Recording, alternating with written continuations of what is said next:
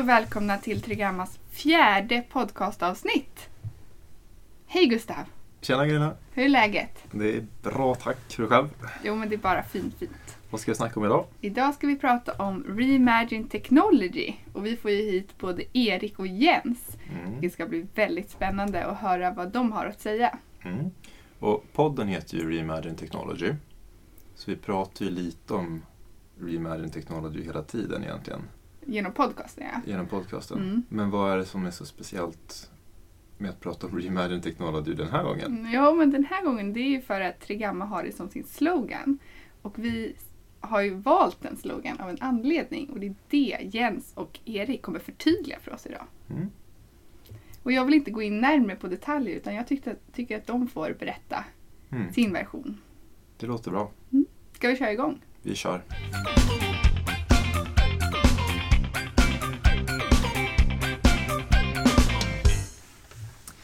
Hej och välkomna Jens Ekberg och Erik Fredriksson.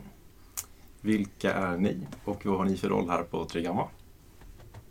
Mm. Eh, Jag heter Jens Ekberg eh, och eh, jag är CTO på Trigamma eh, och jobbar för hela gruppen. Då. Och jag heter Erik Fredriksson och jag är VD för den svenska verksamheten och är också konsult och delar min tid ungefär 50-50 mellan kunduppdrag och det interna. Mm. Roligt att ni ville vara här och att ni hade tid att komma. Idag så tänkte vi prata om Reimagine Technology. Vad är det för någonting och varför har Trigamma det som slogan? Eh, Det är ju egentligen ett synsätt som vi har på vår verksamhet. Eh, Att eh, vi har ju haft en utveckling där vi har, vi har jobbat med IT hela tiden eh, men har vi egentligen upplevt att det vi gör har kommit mycket längre ut i affären där eh, teknologi då eh, har blivit en väldigt viktig del av, av att transformera våra kunders verksamheter. Och på så sätt har, har vi fått rollen av att hjälpa till i det. Och då, därav taglinen, Mm. Reimagine Technology. Ja, jag tycker den är superbra. Den är väldigt den passar liksom på något vis och den känns i tiden. Och vi har ju döpt podden efter Ja, det. det har vi. Precis. Exakt. Det, och jag tror att eh, det- för att gå tillbaka till historien så var ju vårt fokus väldigt mycket på kostnadseffektivitet och, och eh, hur man kunde göra IT effektivt eh, och skala det i det som kallas för economies of scale. Storskalighet, produktionsfabrik. Medan nu har ju IT blivit eh, en konkurrensfördel eh, och, och teknologierna är ju det som möjliggör mycket av det som de frågor vi har inom digitalisering och, och digital transformation. Just det. Mm. Erik, har du något du vill tillägga där? Jag, eh, jag är enig med det Jens säger och ett stort skifte för oss är ju att om det traditionellt sett när vi började var IT-avdelningen som var vår uppdragsgivare så flyttas det ut till att det är fler och fler delar av en vanlig verksamhet som är vår uppdragsgivare idag. Men det är fortfarande teknologin som är den gemensamma nämnaren för alla de uppdragen och hur man kan navigera de här valen. Mm. Mm. ja, Jag tycker det, den är, just den är intressant med, med våra nya uppdragsgivare. För helt plötsligt så jobbar vi väldigt nära kundinteraktion, alltså CRM-området och, och marknadsföring. Eh, där, eh, där teknikkomponenten har blivit eh, väldigt påtaglig för, för många marknadschefer och CMOer hos våra uppdragsgivare. Mm. Ja. Men om man tänker det här är ju lite ur ett gammalt perspektiv men det grundar sig väl i att marknaden har förändrats. Alltså ni är lite inne på det men vad är det för trender som man ser idag på marknaden just inom den sektorn Trigama jobbar? Alltså det är ju, vi rör oss på en marknad i, i väldigt omfattande förändring. Ja. Eh, Så det finns ju väldigt många trender som, som påverkar det vi gör och eh, de kunder vi jobbar med. Eh, Dels är det ju den stora och dagens buzzword är ju digitalisering. Det vill säga att eh, allt ska digitaliseras och i den sfären finns det ju väldigt många olika trender som påverkar. Dels så finns det ju ett, för våra kunders kunder finns det ju ett förändrat beteendemönster som Mm. ligger till grund för behovet av förändring hos dem. Ehm, Och samtidigt har vi ju en, en exponentiell utveckling i de teknologi, teknologier som finns tillgängliga för att, eh, för att möjliggöra det, det kundmötet eller, eller den, den processförändring man vill eh, åstadkomma. Eh, och sen så är det ju, även om det kanske inte verkar så just nu, alltså en globalisering och en helt annan typ av marknad att, eh, att röra sig i Mm. eh, också. Och man kan, eh, man kan ju också se att eh, alla typer av konsumtion idag innehåller ju någon form av teknologikomponent vilket det inte gjorde lika tydligt, tydligt för tio år sedan.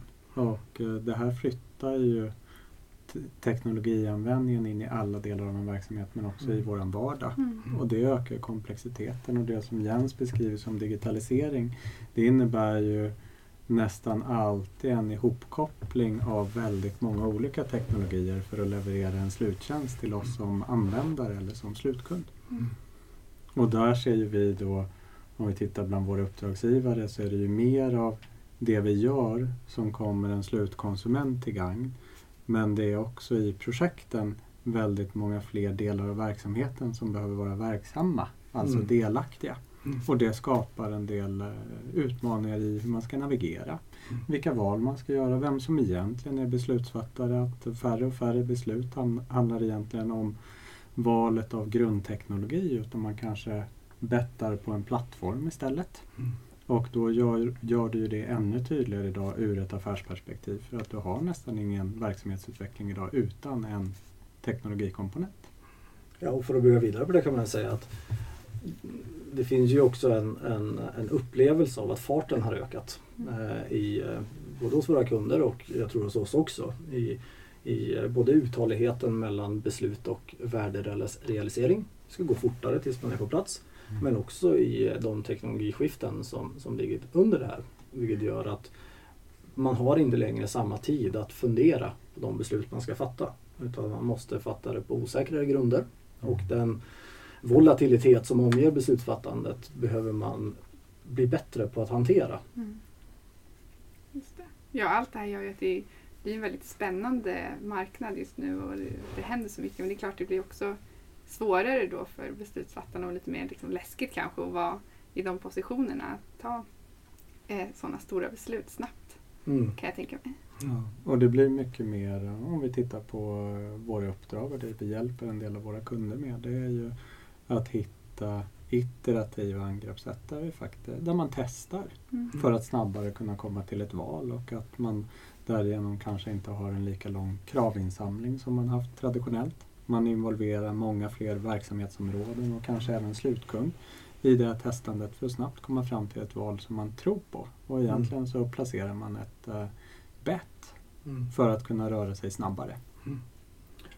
Och eh, den här iterativa processen gör ju också att man, man skapar en, en flexibilitet att justera under resans gång. Mm, Det vi, eh, så många som har jobbat med det här längre känner igen är ju att förr i tiden så var man ju väldigt eh, orienterad till att göra precis som Erik säger, Mm. samla in kraven, göra analysen, fånga business caset, sen fatta ett beslut för att gå in i en genomförandeprocess. Och den typen av mod- modell som vi har sett utvecklas inom systemutvecklingen med iterativa arbetssätt är ju nu också en modell som vi jobbar i högre utsträckning med även runt strategiformulering och upphandlingsuppdrag av just val av teknologier Mm. för att åstadkomma verksamhetseffekt.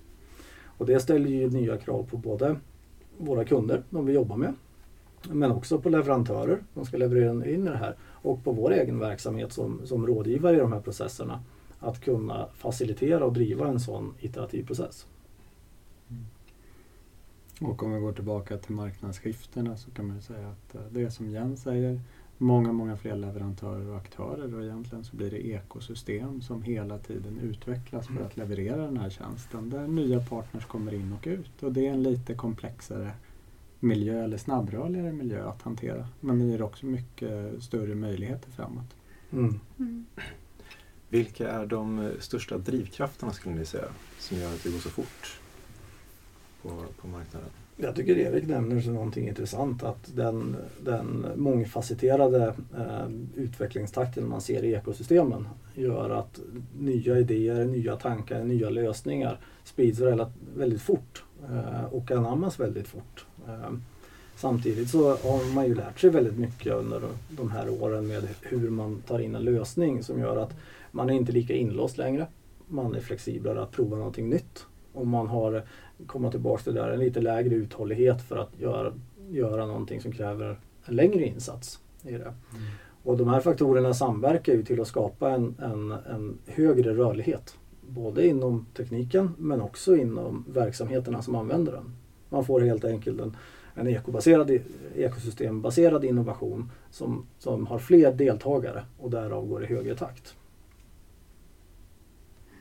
Och, och, för att bygga vidare på det, jag tror i slutändan så är det liksom min vardag som konsument eller användare som ser helt annorlunda ut idag än vad den gjorde för tio år sedan. Jag exponeras för mycket fler nya lösningar och jag provar också mycket mer i min vardag.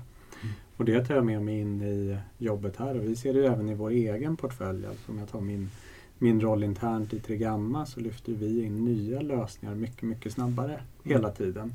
Och vi lyfter också bort lösningar när vi inte längre tycker att de är bra. Mm. Och det gör vi alltid ur perspektivet att vi har ett affärsbehov. Men ibland är det affärsbehovet fött för att vi har sett en spännande ny lösning som baseras på en viss teknologi. Mm. Och där har vi också ett utbyte med alla de vi jobbar med. Med leverantörer till oss, till leverantörer till våra kunder, med våra kunders egen take på consumerization. Det vill säga att, att, eh, den här, att vi agerar som vi gör privat i vår professionella roll och mm. att det, det höjer takten och, och intresset för att prova nya saker. Mm. I, eh, och samtidigt för att bygga på det så tålamodet mm. äh, minskar ju. Mm. Så att jag förväntar mig en nytta snabbare mm. än vad jag gjorde för kanske fem år sedan.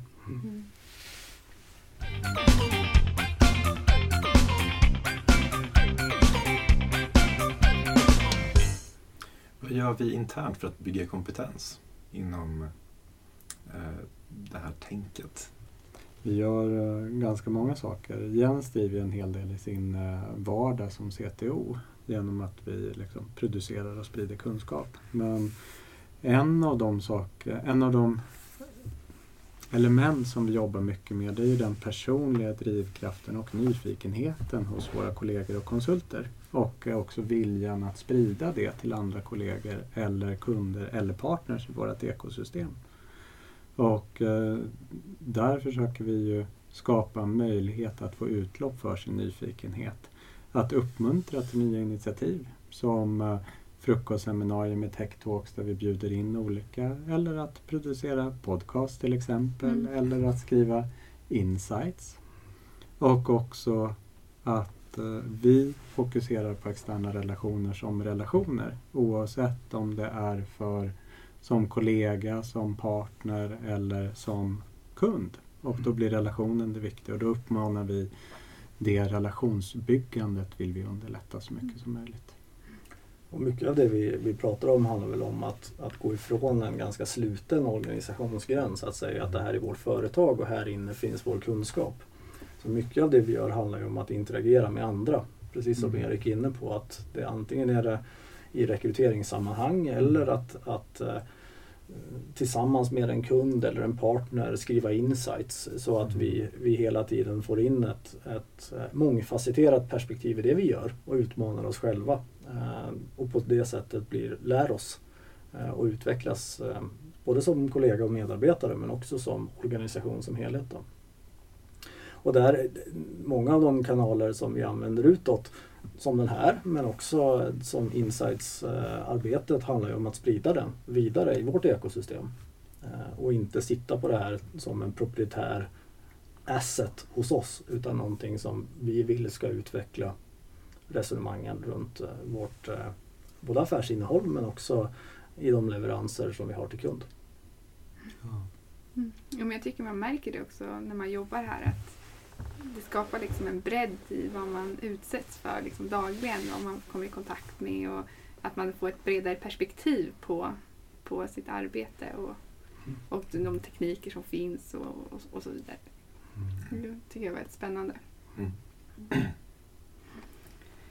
Ja, vi har ju, har ju pågående exempel om allt från automatisering i eh, health services eh, och kundresor i health services till, till kundplattformar i B2B. Och hela den här bredden på, på vad vi jobbar med har ju skiftat från att varit IT-centrisk till att vara tillämpningscentrisk ute i affären. Mm. Eh, där, där våran affär blir väldigt annorlunda från vart den har varit tidigt. Eh, Men där också där vi, vi har gjort under ett antal år som bolag kommer ganska väl till pass. För metoderna att arbeta och kunskapen inom IT har blivit väldigt relevant att ha med i den här typen av projekt. Ja. Jag tycker just med Reimagine Technology och eh, det du säger igen så eh, jag kan se en skillnad i, i förväntningarna kring en del av våra uppdrag. Att idag så är information mycket mer tillgängligt och du kan få analyser på i princip alla områden gratis. Du kan göra egna mognadsanalyser till exempel. Och du kan läsa om nya teknologier. Så det som är svårt oftast är själva navigeringshjälpen. Mm. Hur ska jag ta mig an den här frågan och vilka val ska jag göra? Och eh, där är min upplevelse att den ökade digitaliseringen leder nästan till en ökad personifiering i de råden. Så att man söker råd istället från individer som man vet har kunskap och också har många relationer. Och där passar det här ekosystemet väldigt bra in. Mm. Jag tycker att om man kopplar det till vår affär och, och bygger vidare på det du säger där så tror jag att vi, just den här lite individbaserade och expertbaserade sammanslutning, alltså att man sätter samman experter från olika områden för att tillsammans skapa någonting nytt. Eh, Det tycker jag är en, en väldigt spännande förändring, även för oss, både för oss som konsulter men även från kundens perspektiv. För att den bästa teamen är de där, där man kan samla rätt kompetenser för att utföra, skapa en effekt. Det är inte längre om att vända sig till bara en firma och köpa ett uppdrag. Om man pratar i teknologiperspektiv. Vilka teknologier gör vi bett inom just nu? Det som, man kan väl svara på, på den frågan ur några olika perspektiv men digitaliseringen har ju kommit som längst i de, hos de företag som har en, en B2C-affär. Och digitalisering har, upplever jag har börjat som mest inom de kundnära processerna. Där consumerization, som det så fint heter, har påverkat köpbeteendena hos det, våra kunders kunder. Och där har det funnits en väldigt tydliga, liksom, det här plattformstänket som Erik nämnde tidigare, att vi, vi ser en väldigt plattformsorientering för att ha, kunna skapa en, en ganska aggressiv transformation av kundupplevelser. Eh, men också att man ska kunna ha en flexibilitet att utveckla mer och leva med en roadmap tillsammans med en, på en plattform. Då. Så det är väl ett område som, som, som är centralt. Sen så är det ju, är det ju automation och, och ehm, de, de teknologier som rör sig runt automatisering av affärsprocesser. Ehm, och där finns det ju dels väldigt spännande tillämpningar eh, men också ganska transformerande effekter för många, många bolag som, som tittar på det. Då. Där har vi väl bara sett eh, i någon utsträckning i början Eh, där det har börjat tittas på det för enkla use case hos, eh, hos företagen. Då. Men det har ju en väldig potential framåt att, eh, att bli väldigt värdeskapande. Sen så det som, och det ska väl också nämnas i det här sammanhanget, att en, en viktig faktor att, att, att ha med sig är ju lagstiftningar och regleringar in, där, där, där det finns en motpol till hur tekniken kan hanteras som, som är en komplicerande faktor. EUs dataskyddsförordning är väl, eh, är väl eh, det hetaste på marknaden just nu att diskutera på det här området men även bankerna har ju haft en, ett antal omfattande regleringar som har gått igenom. Och, och det är väl i den här, eh, eh utöver då de stora tekniktrenderna och den typen av, av transformativa effekter vi kan se där, så är det ju det den andra delen i vågskålen och som, som kräver en hel del av förändringsprojekten. Erik, har du något mer du sitter och tänker på där när Jens säger de här grejerna? Eh, jag är helt eh, enig i det Jens säger. Och, eh, automationen som Jens på, den, är- den är ju verkligen i sin linda. Och det stora skiftet som vi ser framåt är ju när det kommer mer och mer maskiner, maskininlärning eller AI på de här automationerna. Så att det går snabbare och det går att göra mer och mer komplexa saker. Men embryona är ju på plats idag och det är ju en eh, kategori projekt som växer väldigt, väldigt snabbt. Och som, som Jens är inne på, skapar stora transformationer. Både för oss men också för våra kunder. Mm. Värt att nämna på den här listan över tekniktrender är väl också sensorik och robotics eh, som ligger nära automationsområdet då, eh, som också är intressanta eh, tekniker som har stor potential för många av de kunder vi jobbar med men också generellt på marknaden. Då. Just det. Mm. Vilka ser ni själva? Ja, jag, nej, jag vet inte riktigt. Jag vet inte om jag vågar uttala mig om, om det. Det här med plattformar eh, ser ju jag i mitt projekt. Eh, och ehm, kring, vi har någon insight som heter Platformification in Banking. Som eh, jag tycker resonerar helt Mm. rätt med hur, vart det lutar åt. Ehm, också hälsa som du nämnde Mm. kan mycket väl vara plattformsbaserat om några år. Mm. Möjligen. Mm. Automation pratade ju Isak om i DevOps Mm, det. Mm. avsnittet, Ja, avsnitt ja. två. Mm. Att utvecklarna får göra roliga saker för att man automatiserar de tråkiga sakerna. Mm. Mm. Ja, bra poäng där. Snygg återkoppling. Mm. Mm. Ja, de, de kopplas ihop, Ja. podcastavsnitten. Ja, det är lite, jätteroligt. lite roligt. Ja. Mm. Okej, men om vi ska sammanfatta lite, eller om det har ni någon slutlig grej ni vill få med här om på temat Reimagine Technology och lite det vi varit inne på. Det något sen att det här får vi inte missa? Eller det här vill jag säga igen för att det var så viktigt. Ja, om jag skulle ta eh, mina så är teknologiinnehållet ökar. Och eh, det är vi alla som driver på det. Vi har väldigt höga förväntningar som brukare eller användare eller slutkonsumenter av det här. För att möta det så behövs det partnerskap och ekosystem. Och det är enda sättet att faktiskt hålla koll på alla de teknologier och möjligheter som kommer som oftast inte föds ur ett teknologiperspektiv utan ur perspektivet att lösa ett specifikt problem. Och det här är ju en fragmentering av marknaden egentligen samtidigt som vi har plattformar. Så ekosystem, att det föds på många olika platser, det här behovet. Men också att det kräver andra arbetssätt. För att det ska fortfarande möta det gamla och det existerande. Och för att kunna göra det här så behöver man vara lite mer experimentell, lite mer iterativ och ännu mer involverande. Mm. Och det är de tre sakerna då. Arbetssätt, ekosystem och var behoven eller möjligheterna föds. Som Mm. jag skulle vilja ta med mig. Mm. Mm. Jättebra. Man skulle nästan kunna understryka behovet av experimenterande. Mm. Det vill säga att, eh, att eh, det är inte värt att sitta och fundera hela tiden. Utan ibland är det bättre att göra och prova och lära sig. Mm. Mm. Mm. Ja, kul! Verkligen. Stort tack att ni kom. Tack så själva. mycket.